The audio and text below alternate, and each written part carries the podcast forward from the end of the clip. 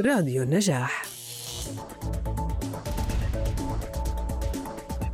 قدم HackerEarth هاكاثون تدريبي بعنوان IBM Z للطلاب من جميع أنحاء العالم لاستخدام مهاراتهم المكتسبة من خلال منصة التعليم IBM Z. Xplore في إنشاء تطبيقات البرمجة. خلال فترة الهاكاثون سيتم إصدار سلسلة من التعليمات البرمجية على فترات متباعدة.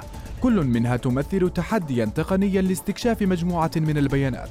إذ سيقوم المتقدم بمعالجة هذه البيانات برمجيا والتحقق من صحتها وسيكون الحل عبارة عن تسلسل قابل للتنفيذ تلقائيا من خلال البرامج النصية التي تقوم بإنتاج مخرجات صحيحة وكاملة من البيانات التي تم إدخالها وذلك يوم الثلاثاء الموافق السادس عشر من نوفمبر.